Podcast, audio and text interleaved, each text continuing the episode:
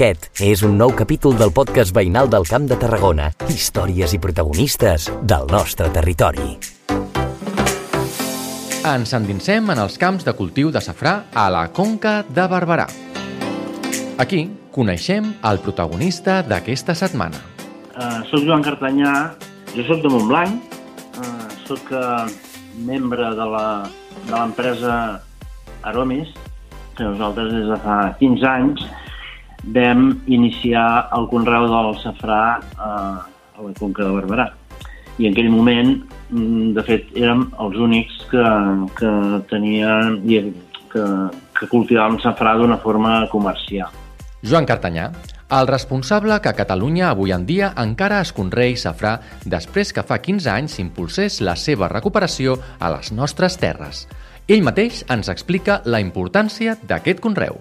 El safrà havia sigut un cultiu molt important i feia gairebé 100 anys que s'havia extingit el cultiu comercial i nosaltres vam crear el projecte Aromis, que aquest projecte contemplava eh, experimentar amb plantes aromàtiques i condimentàries i dins d'aquest dins d'aquest grup el safrà també ocupava un lloc mm, important.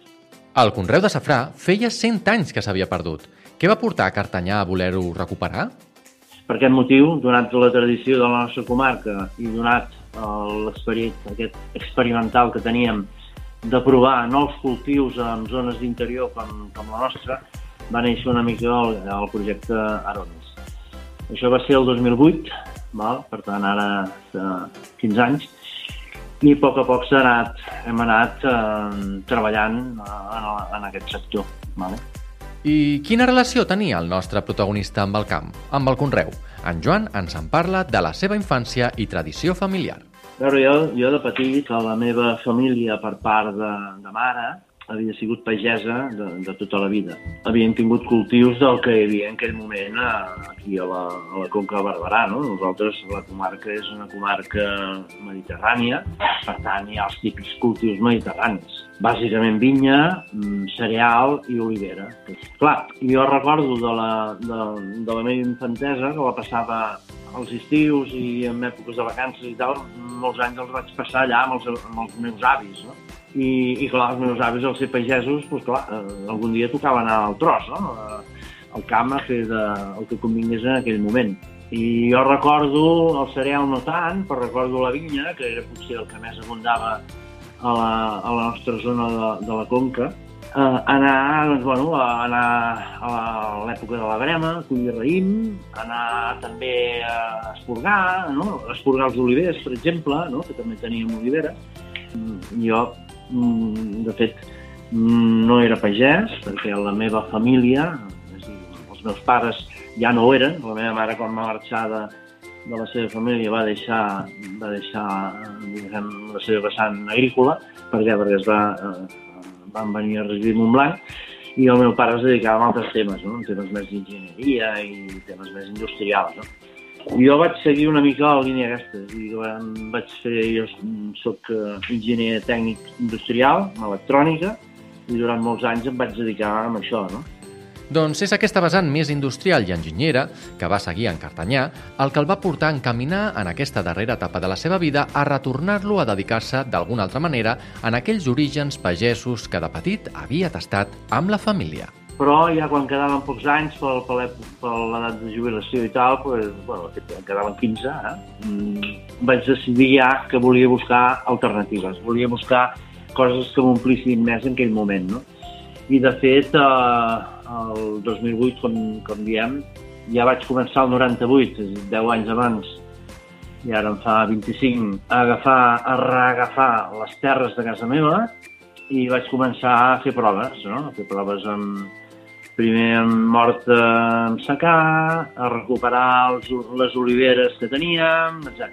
Experimentant i experimentant, en Joan comença a emprendre aquesta aventura de la que avui ens en parla.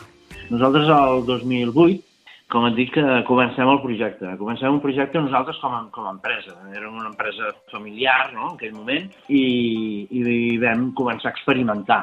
Ens vam ajuntar amb dos eh, companys més, amics, de, de fa molts anys, i, bueno, i vam dir, doncs fem això, no? Intentem experimentar amb planta aromàtica i medicinal, condimentari, etc. No? Al final, la vessant medicinal la vam deixar perquè, perquè el que sí volíem era començar, és dir, no volíem experimentar cultius per, mm, per fer només de, per produir només producte, sinó que el que volíem, volíem fer era arribar al final de la cadena, és dir, produir el producte i elaborar-lo de manera que es pogués comercialitzar.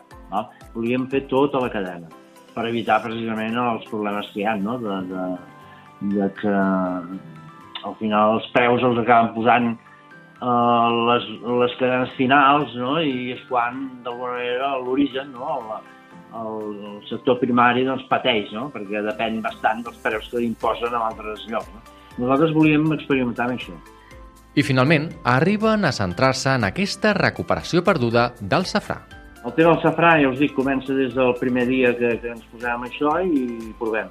Sí que és veritat que ens vam donar compte que el safrà és un cultiu molt particular, que requereix molta mà d'obra i, per tant, no ho podíem fer sols. No podíem. Per què? Perquè hi ha països de...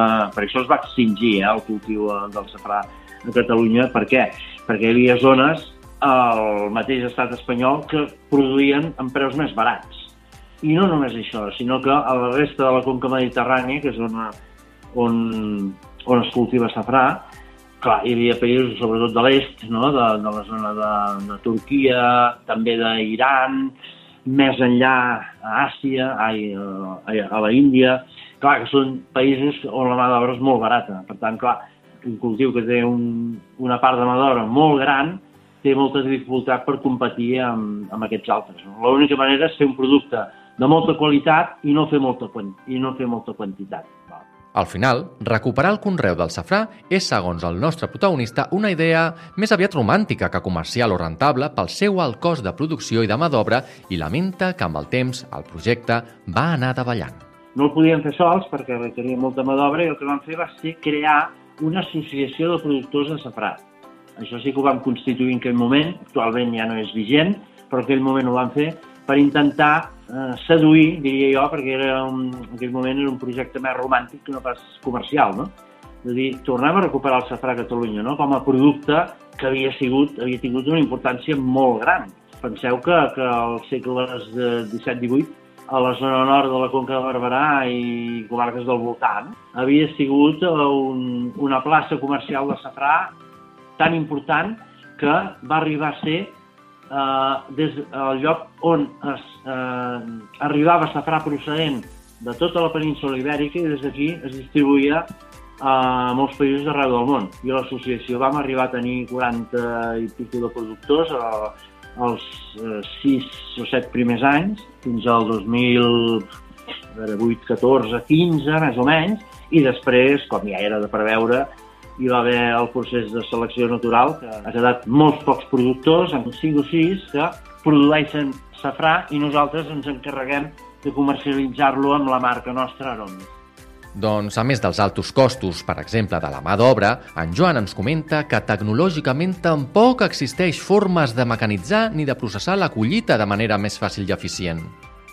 Per què requeriments de mà d'obra?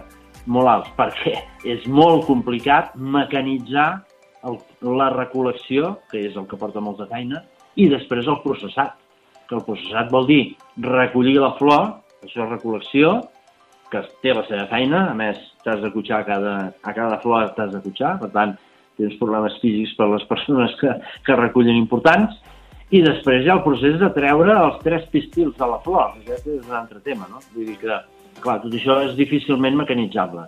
Hem fet proves, hem fet de tot, tothom fa proves, però encara avui, després de tants anys, ningú ha arribat a tenir un sistema prou eficaç. Finalment, també juga en contra el poc consum que hi ha avui en dia del safrà a la cuina, tal com ens reconeix i lamenta en Cartanyà. És un producte que intervé molt poc a la cuina. Penseu que per fer, un, per fer una idea, per fer una paella de safrà, per quatre persones, hi posarem entre 10 i 15 brins de safrà, entre 10 i 15 pistils de safrà. Penseu que amb un gram de safrà hi poden haver com a mínim un centenar, 100-120 pistils de safrà. Un gram, i un gram pues, el pots trobar el més car que puguis trobar al mercat, el més bo, pot valdre pues, 12, 13, 15 euros aquí. Com a molt, eh? En tot cas, ens quedem amb aquest anel i aquesta fita romàntica del nostre protagonista de recuperar a Catalunya el conreu de safrà que anys i segles enrere van ser tan i tan important. Joan Cartanyà, protagonista aquesta setmana del podcast de Veïns.